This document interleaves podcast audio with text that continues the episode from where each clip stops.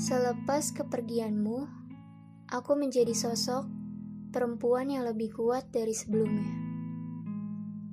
Tertati-tati, membawa lukanya sendiri, berharap bisa menyembuhkannya di kala sepi. Aku sama sekali tidak membencimu.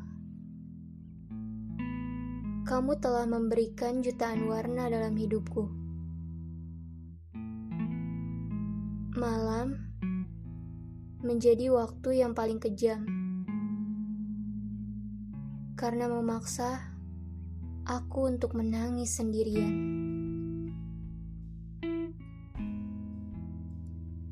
Di kala kenangan menghampiriku di tengah malam, bayanganmu datang dan seolah memelukku dari belakang kamu dan kenangan menjadi catatan paling indah dalam ingatan.